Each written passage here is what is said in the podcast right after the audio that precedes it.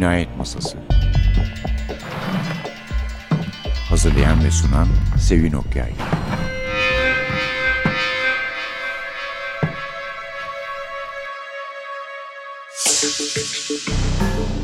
Merhaba, NTV Radyo'nun Cinayet Masası programına hoş geldiniz.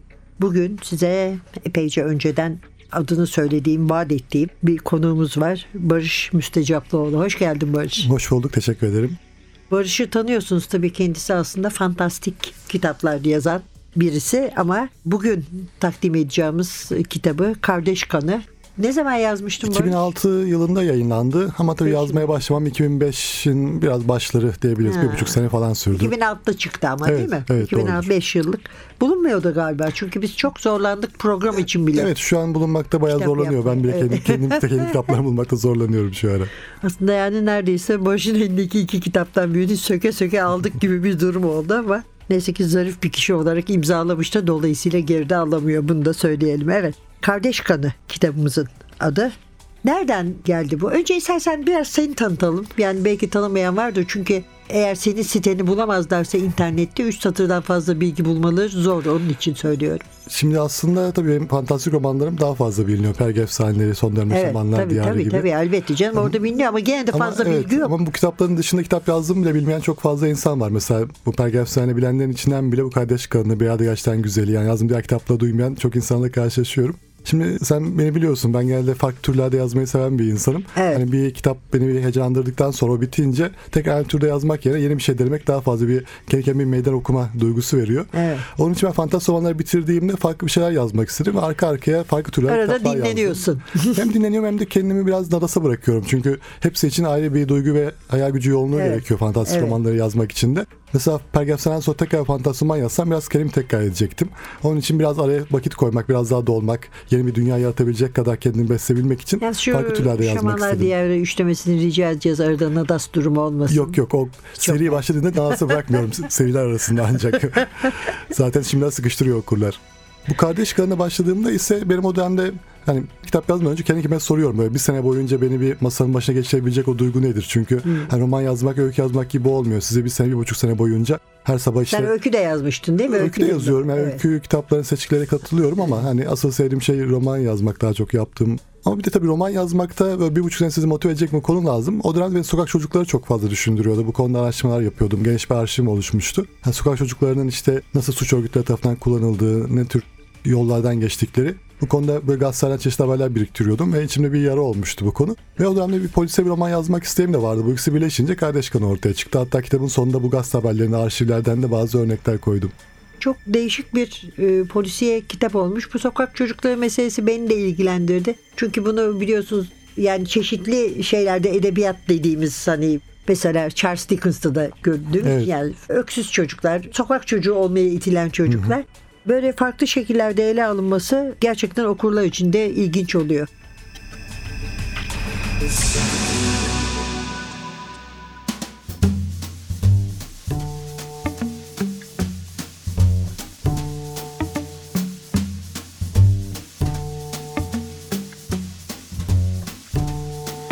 Mieux vaut ne penser rien qu'une pas penser du tout. C'est déjà rien, c'est déjà beaucoup. On se souvient de rien et puisqu'on oublie tout, rien c'est bien mieux, rien c'est bien mieux que tout.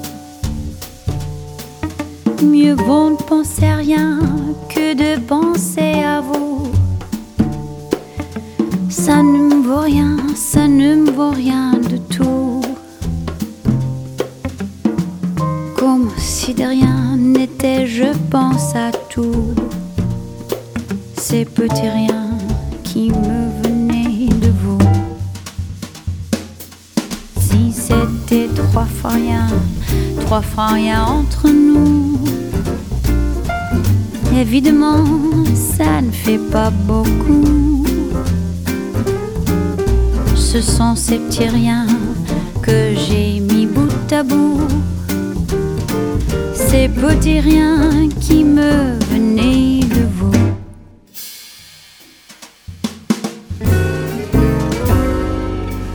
Mieux vaut pleurer de rien que de rire de tout. Pleurer pour rien, c'est déjà beaucoup. Mais vous, vous n'avez rien dans le cœur et j'avoue envie, je vous en veux beaucoup. Ce sont ces petits riens qui me venaient de vous. Les voulez-vous, tenez, que voulez-vous? Moi, je veux pour rien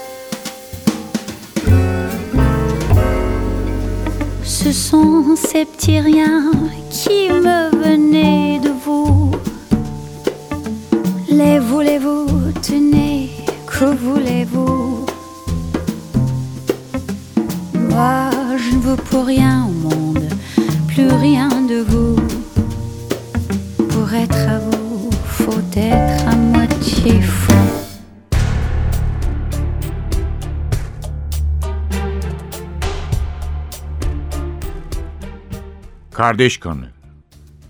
Neredeyiz biz diye mırıldandı Yasemin. Gözlerini yarı açarak. Her şey bulanık görünüyordu. Uykuda mıydı? Uyanmış mıydı? Emin değildi bundan. Omuzlarında yükle saatlerce yürümüştü sanki. Kıpırdayacak hali yoktu. Güvendesin dedi bir adam, yumuşak bir sesle. İlk anda sesi tanımadı. Bir yabancı olmalıydı. Yoksa değil miydi? Bir aşinalık da vardı tınısında. Bilemedi. Dilinin ucuna bir isim gelir gibi oldu. Harfler başıboş dolandılar. Bir araya gelip bir kelime olamadılar. Sonra boş verdi. Güvendeyim. Genç kadının gözleri usulca kapandı. Uyku tüm güzelliği ve şefkatiyle genç kadını bir kez daha sarmaladı. Sessizlik her şey oldu. Yasemin ikinci kez uyandığında başı pencereye dönüktü. Tam karşıdan hafif bir esinti geliyordu. Hoş bir kokusu vardı havanın. Çok tazeydi. Uzansa dokunacakmış gibi görünen ağaçlara uzun bir süre boş gözlerle baktı. Yaprakları belli belirsiz oynayan dingin ağaçlar, kalın ve güçlü. Birkaç adım arayla yükseliyorlardı. Yatmadan önce camdan gördüğü sahneden çok farklı bir manzaraydı bu. Bir yatakta olmadığını, rahatsız bir koltukta oturduğunu ayırt etti.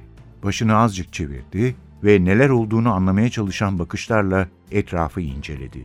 Evet, bu bir arabaydı. Tamer'in arabası. Ama burada ne işi vardı? Biraz korkarak döndü, yanındaki koltuğa baktı. Koltuk boştu. Kaskatı kesilmiş bacaklarını canı yanarak ovuşturdu. Gece neler olduğunu anımsamayı denedi. Ama koyu bir karanlık her şeyi örtmüştü. Üzerinden silindir geçmiş gibi hissediyordu. Şakakları zonkluyordu. Sezgin Yavuz Bey öldü diyen bir ses yankılandı beyninde. Onu yolda vurmuşlar. Peki sonra ne olmuştu? Kapıyı açtı, içeri dolan temiz hava yüzünü okşadı. Dağ havasıydı sanki. Aslında dağ havasının nasıl olduğunu bilmezdi. Ama yüksek bir yerde olduğunu hayal etmek hoşuna gitti o an. Neden böyle hissettiği konusunda bir fikri yoktu. Üstünde durmadı. Dışarı çıktı ve sırtını arabaya yasladı. Hava serindi. Bir an için ürperdi. Üzerindekileri çekiştirip düzeltti. Bunlar gece yatarken giydiği kıyafetler değildi. Ne zaman kalkmış da değiştirmişti? Hiç anımsamıyordu. Yere çıplak ayak bastığını fark etti. Toprak ve nemli çimenler ayağını gıdıklıyordu. Ormanın derinliklerine bakarken korkması gerekip gerekmediğinden emin olamadı. Tehlikede gibi görünmüyordu. Ortalık sakindi. Ama evde bir yatağa uzanıp sabah şehir dışında bir arabanın içinde uyanmak pek normal sayılmazdı. Son zamanlarda olanların hangisi normal?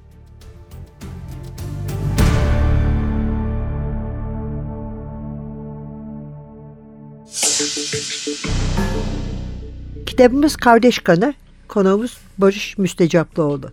Barış'cığım şimdi Charles Dickens dedin. Tabii Dickens mesela işte Oliver Twist'i düşünecek olursak onlar da sokak çocuğu değil Tabii mi ki, aslında? Hiçbir yeri olmayan çocuklar. Oliver'in kendi değil ama Faggy'nin etrafındaki. Kesinlikle aslında çok benzer bir ortam var orada da. Evet o çocuklar. Ondan sonra köprü altı çocukları vardı. Kemalettin Tuğcu'nun mesela. Onlar da sokak çocuklarıdır. Köprü altında yaşarlar. Hatta ben Harry Potter çevirmeye başladığımız zaman Harry Potter'ın ne kadar birebir çakıştığını koşullar olarak sokak çocukluğu. doğru söylüyorsunuz. Yani dehşet sokak içinde çocuğu fark aslında etmiştim. geniş Yani- bir kavram. Hı hı. Annesi yok. Sokak çocuğu değil ama annesi yok, babası yok. O çok küçükken bir kazada. kesinlikle. Kendisi öyle biliyor. Bir trafik kazasında ölmüşler. Onu hiç sevmeyen bir akraba ailenin yanında kalıyor. Dolaba kilitliyorlar. Bazen yemek vermiyorlar. Kuzenini dövüyor. Doğru, onun kısalmış öteberisini giyiyor falan. Yani inanılmaz bir Kemalettin Tuğcu kahramanı Doğru. gibidir. Yani sokak çocukluğu zaten aslında bir ruh hali. Yani sokaktan kurtulduğunuz zaman Evet. hemen sokak çocuğu olmaktan kurtulmuyorsunuz. Yani o itilmişlik, evet. o dışlanmışlık, o insanların size karşı davranıştan duyduğunuz o öfke, o topluma karşı o isyan duygusu. Ama o kardeş kanında da vardır o Evet, yani. evet. Mesela Kurtulan kardeş kişide de kanında- hala Aynen. sokak çocukluğu. Doğru söylüyorsunuz. Kardeş kanları mesela bu örgüte girdikten sonra da aslında hani sırtları sağlam aldıktan sonra da o duygudan çok kurtulamıyorlar o ezilmişlik ve o öfkeden çok kurtulamıyorlar ve bütün yaptıklarında da yansıyor. Çünkü gerçekten bu insanın içine işleyen bir deneyim yani çok kolay bir şeyden bahsetmiyoruz. En küçük, en zayıf, en korunması anımızda yaşadığımız bu ezilmişlikler, insanın itip kalkması, hor görmesi, sığınacak kimseyi bulamamız etrafımızda. Bunu hayat boyu bizi etkileyen şeyler ve bu kitapta da bu karakterleri etkiliyorlar tabii. Evet evet gerçekten bu da düşündürüyor insanı. Bir de Granger'in kitabı vardı. Son kitabında o da sokak insanlarını yani evsizleri almış ki büyümüş sokak çocuğu gibi bir parça oluyorlar. Doğru, doğru. Fakat o mübalağayı da seven bir yazar olduğu için yer yer onları yani olabildiğince kötü göstermiş ya. Yani tamam şartlarının kötü olduğunu o da kabul ediyor ama öyle bir yere getirmiş ki ya ben de buna pek inanmak istemiyorum aslında. Yani çünkü mutlaka insanın iyisi kötüsü her koşulda vardır Tabii diye ki, düşünüyorum yani. O biraz fazlaca iten bir şeydi yani dışlayan bir, bir şeydi. Kitapta o zaman da aklıma gelmişti gene bu sokak Hı hı, çocuğu hı meselesi ve o zamandan beri de bu kardeş kanını yapmayı düşündüğümüz için. Ama senin çalışma takviminle uyuşmadı. Tabii ben sonuçta birçok farklı şeyle aynı anda ilgilendiğim için yani normal bir iş hayatım dışında şu an yeni bir kitap da yazıyorum. Yeni bir kitap çıkardım. Bundan da ayrı etkinlikleri oluyor tabii. Onun için eski kitaplara dönmek de biraz bazen zor olabiliyor. Her zaman da bir ruhsal bir kopuş da oluyor bazen kitaplardan. Mesela benim için yazarken çok değerliydi hala değerli ama şimdi mesela kafam bir yandan şamanlar diye dolaşırken bir yandan eski kitaba dönmek de farklı bir insana bir ruh Dünyan bölünmesine değişiyor çünkü orada yol artık sen bir dünya kurmuşsun. Onun için hepsini arka arkaya yaz diyorum Evet. o dünyadan çıkmadan. tabii tabii. Çünkü çok da güzel bir dünya. Pek sevmiştik biz o dünyayı. Peki yazarken bir şey oldu mu? Zorluk çektin mi yani? Şimdi tabii ki yani şimdi ben bütün kitaplarını aslında bütün yazan insanların yaşadığı bir şeyleri tahmin ediyorum. Karakterle çok fazla özdeşleşiyorsunuz. Onun gözden dünyayı görmeye çalışıyorsunuz. Onun için böyle köprü altında yaşayan her türlü eziyeti çeken sokak çocukların gözünden bakmaya çalışmak da bir şekilde insanı zorluyor. Yani benim kitabım sonuçta bir Kemalettin Tuğcu eseri değil. Ben daha çok epik macera romanları yazdığım için Evet. ben bu temayı aldım. Hareketli bir aslında bir macera polisiye öykünün içine yedirdim. Yani hani direkt olarak onların hayatını anlatmak dışında bu temalardan yola çıkarak onları karakter ve Evet, kahraman evet. yaparak bir aslında polisiye öykü anlatıyorum ben burada. Bayağı da aslında hareketli, aksiyonlu bir polisiye öykü. Fakat bunu anlatırken bile onların gözden baktığınızda gerçekten zorlandığınız anlar oluyor.